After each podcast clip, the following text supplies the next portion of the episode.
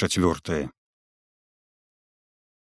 Пятрок сядзеў на ўслоне, паныла падпёршы галаву рукамі і невідушча глядзеў на стол, дзе тоўстыя восеньскія мухі поўзалі па тлустай ад сала сталешні. Ён не прыбіраў посуд, не дакранаўся ні да агуркоў, ні да сала. Сцепаніда таксама не падыходзіла сюды, яна сварылася ад парога. Устроіў частаванне: сала, гуркі, яшчэ разяўляецца яешню ім. Сам я як ім нанясеш ты хоць раз курэй пакарміў каб не я што б ты зрабіў з гаспадаркаю? Нават каня не вярнуў калі ўсе павярталі. Конь канешне быў іхнім агульным болем. Пятрок перажываў не меней за жонку але дзе ён мог яго ўзяць? Ці ён мала нахадзіўся ў высілкі напрасіўся ў дзеравенскіх ды хто ўступіць? Кожнаму на гаспадарцы найперш трэба конь Затое ў мястэчку яму пашэнціла болей, і ён успомніў пра сваю галоўную па гэтым часе заслугу. А газы хто расстараўся, не я хіба? Ах, газы! Смех адзін, газы. Вунь людзі мяшкамі соль нацягалі, запалкамі запасліся, цукрам нават, а то суляю газы прынёс. Смех адзін. А што? Газа ўзімку знаеш, мала ў каго, а ў нас ёсць. Маўчы ты, газы. І гэта знайшоў сваяка сабутэльніка. Каб ён мой быў сваяк я бегу памялом з дому. Продажнік а ён гарэлку з ім распявае частуе яго. Вунь немцы прыйдуць тады іх пачастуеш. Дзверы ў сенцы былі расчынены. Сцепаніда сноўдала то да печы то ў сенцы у істопку бразгала конаўкаю ў вядры разводзіла пойла цяпер калі яны засталіся адны Яна не стрымлівалася, выгаворвала ўсё, што намуліла за гэтыя тыдні і на яго і на вайну і на жыццё таксама. Пятрок болей маўчаў. Што ён мог сказаць ёй, чым запярэчыць. Ён адчуваў яе праўду, але ж не хацеў паступацца і сваёй слабаватай, але таксама блізкаю яму праўдай, якая крыўдліва варушылася ў душы, не жадаючы каму-небудзь паддацца. Прыйдуць, пачастуеш, куды дзенешся, ціха зазначыў ён думаючы што жонка можа не ўчуе. Але яна ўчула і гэта яе абурыла канчаткова. Ну гэта ты частуй я не буду. Я сыду з каровай у лес каб мае вочы не бачылі гэткай бяды сказаў ён таксама ўжо злуючыся. Ідзі абыдуся ага абыдзеся. Думаеш ты пап'еш тут? Падліжашся да іх? Ды яны тваё вып'юць і цябе ж мардаваць пачнуць Пятрок памкнуўся быў нешта сказаць, але толькі махнуў рукой. Сцепаніду не перапынеш. Хіба што ўцямяшыш бабе насуперак яе волі. Тое, што для цябе ясны дзень, ёй здаецца цёмнаю ноччу. Паспрабуй дакажы, што сёння ёй няблага пашэнціла, што гуш адмякчэў пасля выпіўкі і не стаў дужа да іх прыдзірацца, што ён можа сапраўды пакрывае яе перад немцамі. Сам жа сказаў: радня. Таму не лішне з ім ладзіць, неяк падобрыцца, можа завесці дружбу. Канешне, ён п'яніца, нягоднік, нямецкі халуй, але ж ён улада. Быццам яму петраку вялікая радасць піць з ім гарэлку, прыслужваць ды яшчэ слухаць яго знявагі. Але калі хочаш жыць, мусіш трываць не такое. З ваўкамі жыць па ваўчынаму і выць. Праўда, тое разумнае меркаванне толькі блытанам роілася ў яго захмялелай галаве. Услых жа ён стрымана, ціха агрызаўся на сцепанідзіны наскокі, ведаў. Пры злосці ёй лепш не пярэчыць. Ягонага верху ўсё роўна не будзе. Сцепаніда ж тым часам, здаецца, ўсё выгаварыла і неяк ураз пацішэла. Спярша яна аж спалохалася, як убачыла ў хаце чужых, але затым пакрысе асмялела, асабліва калі разлавалася, разлавалася яна болей на петрака за яго нахабны наскок на яе з крыкам камандаю ды яшчэ перад гэтымі злыднямі. Хай бы крычаў загадваў калены засталіся ў хаце ўдваіх дык цяпер ён маўчыць ці адно буркае штось для свайго апраўдання. А тады ў яго лаянцы яна ўчула паганы намер вылузнуцца перад гэтым гужом дагадзіць яму тым што зняважыць яе.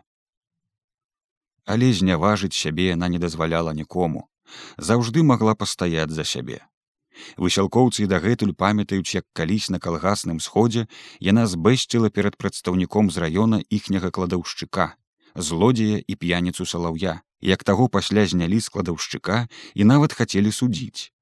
А калі яна была звеннявой пальну і кандыбішын зяць даказаў быццам яе бабы крадуць ноччу лён, яна дамаглася праверкі, нават вобыску ва ўсіх колькі разоў іх перапынялі на сцежцы правяралі ў баб за пазухамі под спадніцамі але марна і гэты паклёп з іх знялі яна размашыста секла сечкай траву ў карыцы. У расчыненых дзвярах пры парозе было светлавата. Сечка кідала ахрап'ем на ўтаптаны земляны дол яе парэпаныя босыя ногі і яна горка думала што з петраком у такі кляты час прападзеш напэўна галоўнае у яго няма жаднай цвёрдасці мужчынскай самавітасці.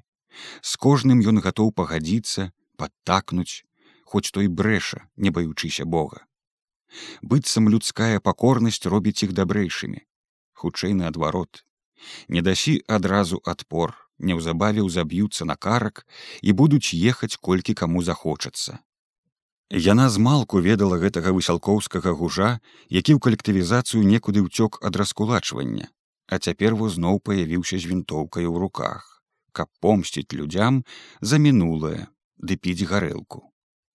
Але яна не забылася на сваю апошнюю зім сустрэчу у трыццатым годзе, і век яму яе не даруе. Хай сабе ён і з вінтоўкай, таксама як і таму каландзёнку, якога гадамі ненавідзела вёска аж да самай вайны, калі ён пайшоў па першай мабілізацыю войска, ды во праз месяц вярнуўся. Людзі казалі, немцы адпусцілі з лагера. І ён прыбрыў у мястэчка, схуднелы, у вайсковых трантах з вошамі за каршэнню. Дык во цяпер ад'ядаецца на паліцэйскіх харчах. Яны абодва з вінтоўкамі. Улада іх над людзьмі вялікая, яны ўсё могуць, але яна іх не баялася бо не паважала іх. Болей таго яна іх ненавідзела. Зрэшты ёй не было да іх справы.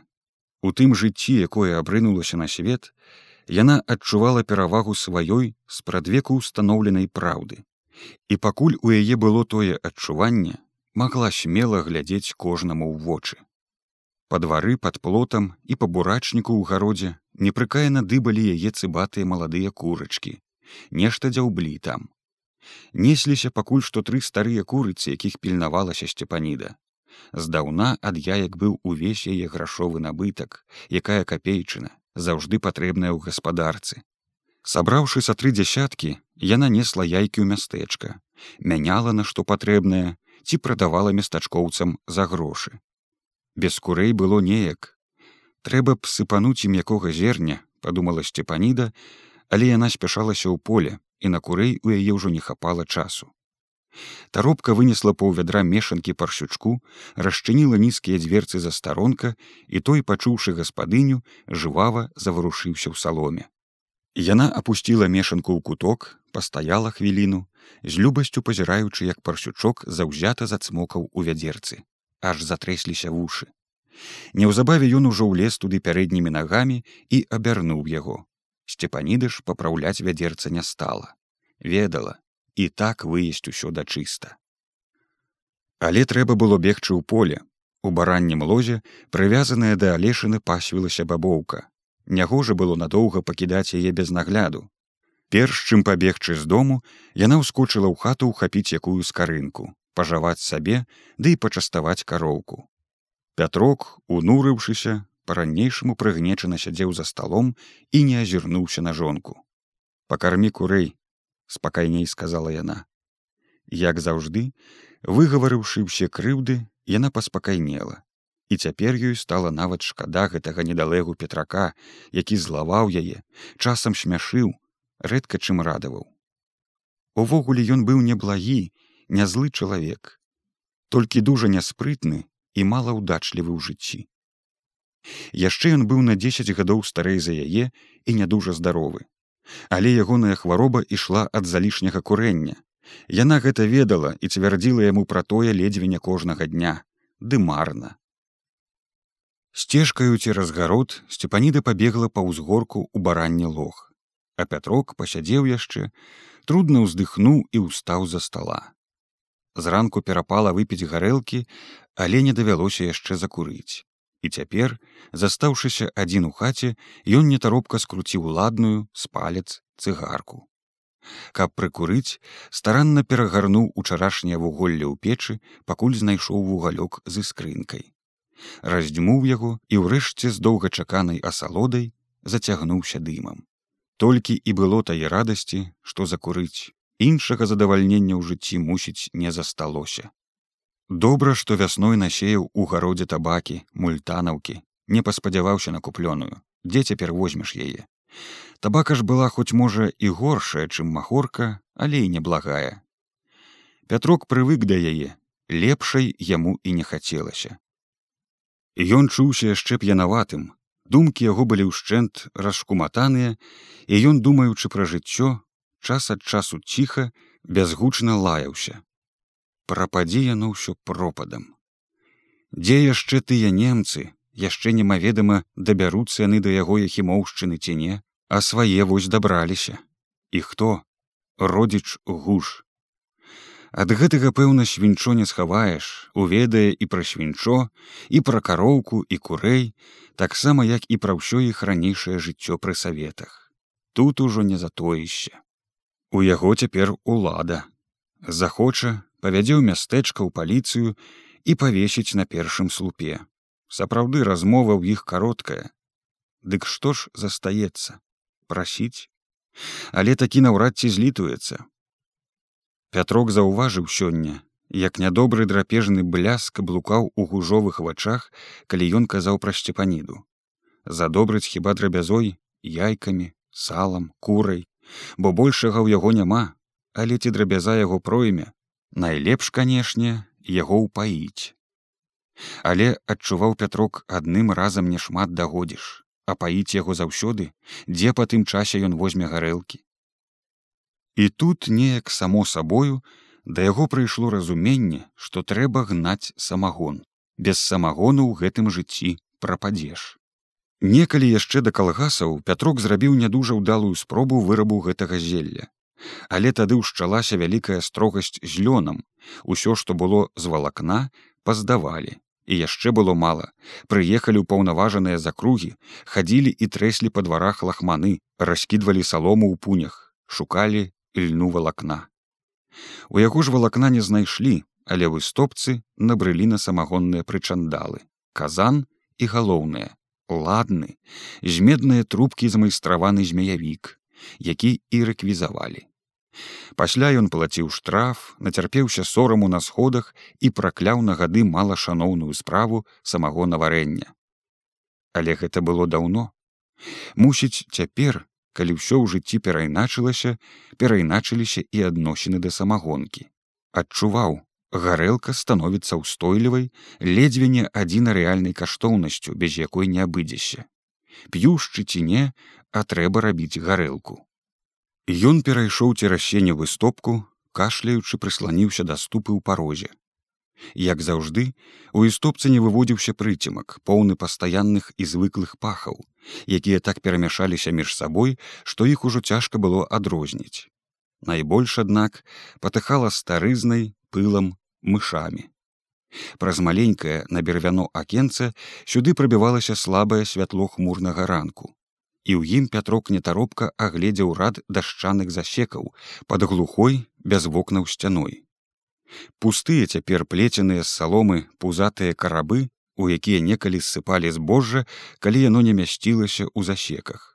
У куце туліліся нізкія старасветскія жорны з тонкімі сцёртымі ўжо камянямі густа абсыпаныя шэрым мучным пылам тут пыліліся і сцепанідзена прасніца калаўрот святлеў асінавым вокам навейшы кубёлак з ржавымі абручамі стаялі большай часткай пустыя каткі Пры сцяне, састаўленыя парадкам, некалькі год чакалі свае справы сцепанідзены кросны з бёрдамі, ніткамі і навоямі. На паліцы над імі цьмяна пабліскваў няроўны шэраг парожніх запыленых бутэлек і важна мясцілася вялікая, аплеценая лазовым кошам суляя, дарыльца налітая газай. Побач ля акенца віселі пляцёнкі леташняй цыбулі, некалькі бярозавых венікаў, пучкі лекавай травы, што запасіла з лета жонка. Невялікая гэта істопка запыленая і запавуціненая па кутах і пад столлю была цесна забіта, застаўлена розным начыннем да самай каменкі печкі ў зусім цёмным куце. Але дзе тут валялася ягоная патрэба, пятрок не мог згледзець. Ён абышоў і стопку, зазірнуў у цёмныя яе нетры, папоркаўся пад жорнамі і ўрэшце выцягнуў адтуль стары шчарнелы казан, якім ужо гадоў дзесяць не карысталіся ў гаспадарцы. На большым святле ў сенцах ён лепей агледзеў яго. Мусіць, казан быў яшчэ неблагі, нідзе не паржавеў, і калі пачысціць яго ад гразі, пацерці, пашараваць пясочкам, дык і згадзіцца. Трэба яшчэ які цэбар ці катка, але цэбар можна ўзяць новы, у якім мыюць бульбу, бульба ж памыецца і ў чыгуне. Горш вось, што не было змяевіка. Пятрок сеў на ўслончык ля вёдзер і пакашліваючы пачаў думаць, дзе ўзяць змяявік. Раней па такую патрэбу ён бы падаўся ў мястэчка далей бы, што рабіў у кузні, каваў панарады, падкоўваў коней, адцягваў сякеры, насякаў сярпы бабам, мог залудзіць міску і направіць сапсуты замок. Лейба быў чалавек майстравіты, ужо ён бы петрака выручыў. Тым болей у іх была нават дружба. Пятрок да яго ставіўся з павагай і звяртаўся ласкава лейбачка, а той да яго пятрушка. Здаецца, нават яны былі аднагодкі і ведалі адзін аднаго з хлапечай пары.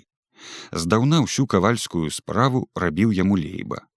Пятрок жа ніколі не скупіўся на плату, грашыма, яйкамі, салам, часам збожжам, усім, што па тым часе было ў гаспадарцы. Калі ж заплаціць не было чым, лейба мог зрабіць у доўг на павер пачакаць месяц паўгода пакуль вырасце збожжа ці прыйдзе час рэзаць авечку. І ніколі ў іх з петраком не было ўзаемных крыўд ці непаразуменняў. Лейба напэўна змайстраваў бы яму змеявік ды кузня яго даўно перайшла калгасу а сам каваль з'ехаў да родзічаў у лепель. А цяпер дык невядома ці там хто робіць. Улетку кузня стаяла замкнёная. За гасцінцам у высілках быў яшчэ адзін чалавек карніла таксама рукасты на ўсякія справы мужчына. Ужо ён бы нешта прыдумаў ці знайшоў у сваіх запасах. Але ў пятрака з ім даўно не было дружбы, хутчэй наадварот, яны былі амаль ворагі і не віталіся. А ўсяму віной сцепаніда, якая дзеўка і гуляла з гэтым карнілам, ды пабралася з петраком. Малады ён быў хлопец спраўны і музыка, не тое, што гэты ваўкаваты карніла сапраўды той быў дужа цяжкога характару. Калі ўжо каго не панаравіць дык будзе касавурыцца да скону дзён. Яшчэ быў ён скупы і скнарны хоць жыў заўсёды няблага. Рабіў не ў калгасе а ў пажарнай у мястэчку і меў добрыя руки мог роўна наслаць падлогу звязаць аконную раму ці нават змураваць печ. Не да карнілы яму не сунуцца лепш папытаць пры выпадку яшчэ ў каго-небудзь на высілках. Пятрок накурыўся ў волю, адкашляўся, мусіць, трэба было брацца за справу. Ага, найперш пасыпаць чаго-небудзь курам. І ён, знайшоўшы на катцы стары драўляны гарнец, зачэрпнуў ім у крайнім сусеку ячменных адходаў, вынес сянец. Куры мусіць ужо цікавалі яго, і толькі ўбачылі з гарцам стрым галоў кінуліся з-пад плота з гарода ад паветкі. І ён шырока сыпануў на падворак каб хапіла ўсім. Пакуль тыя ўвішны дзяўбліна ў таптанай зямлі падворка падбіралі ў мураве ён думаў які пакручасты лёс і што вытварае ён з чалавекам? Хіба калі гаспадар у яхімоўшчыне карміў у ранку курэй ці яму не было іншае болей важныя справы па гаспадарцы. Адной скаціны тут мелі болей дзясятка галоў. Конь маладая жаробка дзве каровы калі яны яшчэ не цяліліся шэсць ці восем авечак. Ну і свіней канешне не меней як дзве укормлены парщук і меншы у налецце пацвінак. Праўда і рук было болей. Але вось ішлося на нуль толькі клопату што кароўка малое свінчо ды гэтыя дзевяць курыц. Ад каня і ўсіх пра яго клопатаў некалі аслабаніў калгас. Авечкі неўпрыцям вывеліся самі, ды і каму было іх даглядаць. Дзеці ранна павыляталі з бацькоўскага гнязда, не вярнуць, А тут гэта вайна.